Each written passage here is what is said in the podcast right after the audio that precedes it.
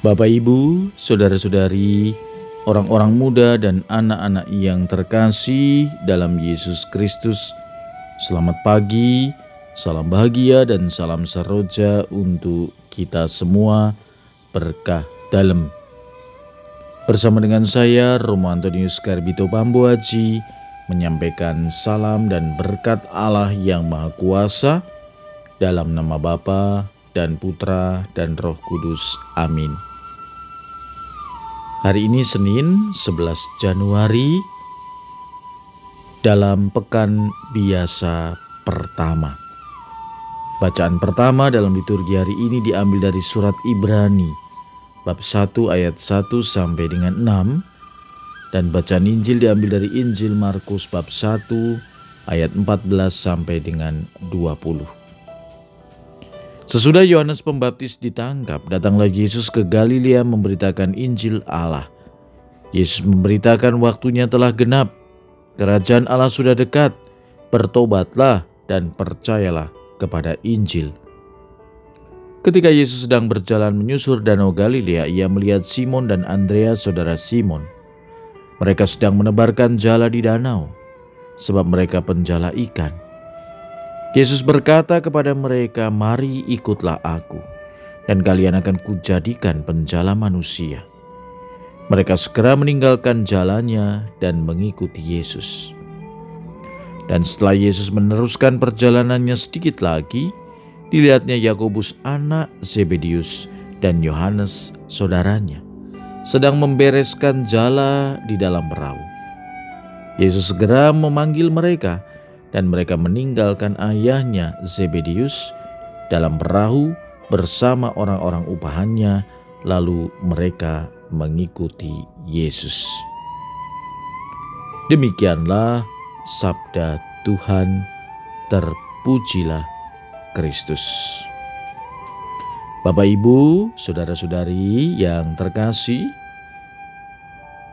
pesan sabda Tuhan hari ini jelas bertobatlah dan percayalah kepada Injil. Apa wujud pertobatan yang jelas, nyata, yang harus kita bangun dalam kehidupan ini?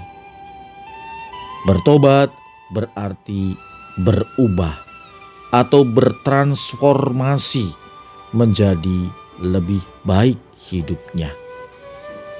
Bertobat juga dapat diartikan sebagai bersyukur karena memperoleh karunia pengampunan dari Tuhan. Dan bertobat berarti juga kita masuk ke dalam persekutuan yang tunggal bersama dengan Tuhan Yesus. Maka saudara-saudari yang terkasih, Ajakan pertobatan artinya ajakan supaya kita bertransformasi, berubah menjadi lebih baik hidupnya, dan juga senantiasa bersyukur atas rahmat pengampunan ini dan menjadikan Tuhan satu-satunya sumber kehidupan kita. Oleh karena itu, mari kita menerima sabda Tuhan hari ini dan membuktikan juga mewujudkannya dalam kehidupan kita. Seperti halnya dengan rasul-rasul pertama Yesus, Simon, Andreas, Yakobus, dan Yohanes. Mereka bertobat berarti meninggalkan kemanusiaan lama mereka. Mereka bertobat berarti mereka bertransformasi. Mereka bertobat berarti mereka menerima kasih karunia syukur atas pilihan hidup mereka. Dan mereka juga bertobat karena mereka menjadikan Yesus sebagai satu-satunya sumber kehidupan. Marilah berdoa. Bapa di surga, semoga kami mampu mewujudkan pesanmu hari ini. Berkat Allah yang Maha Kuasa, dalam nama Bapa dan Putra dan Roh Kudus. Amin.